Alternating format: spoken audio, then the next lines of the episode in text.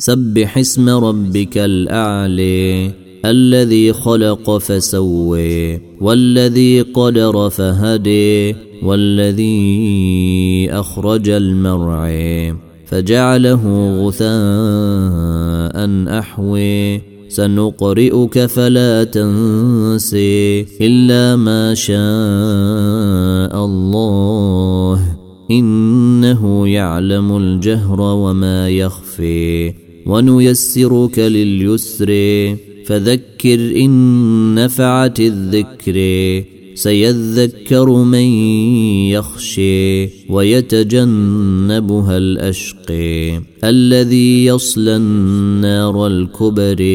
ثم لا يموت فيها ولا يحيي قد أفلح من تزكي وذكر اسم ربه فصلي بل تؤثرون الحياة الدنيا والاخره خير